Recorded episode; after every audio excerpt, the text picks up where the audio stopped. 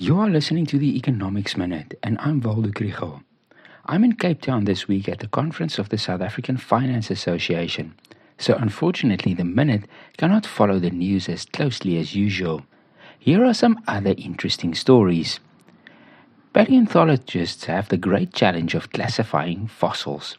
These days, it's made more difficult by the prices for which fossils are auctioned to private collectors and large companies. This market has consequences. There is competition between professors and museums on the one hand, and private excavations on the other. In the West, this often leads to better science because the private digs are well funded and done thoroughly in order to be able to finally sell the fossil.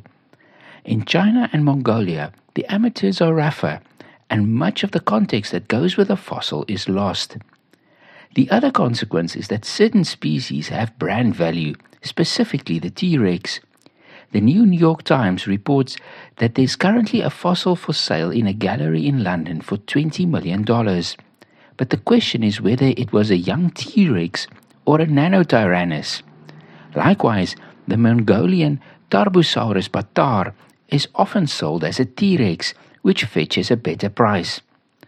All of this probably doesn't matter much for the macroeconomy, but it does say that dinosaurs are cool and brands matter.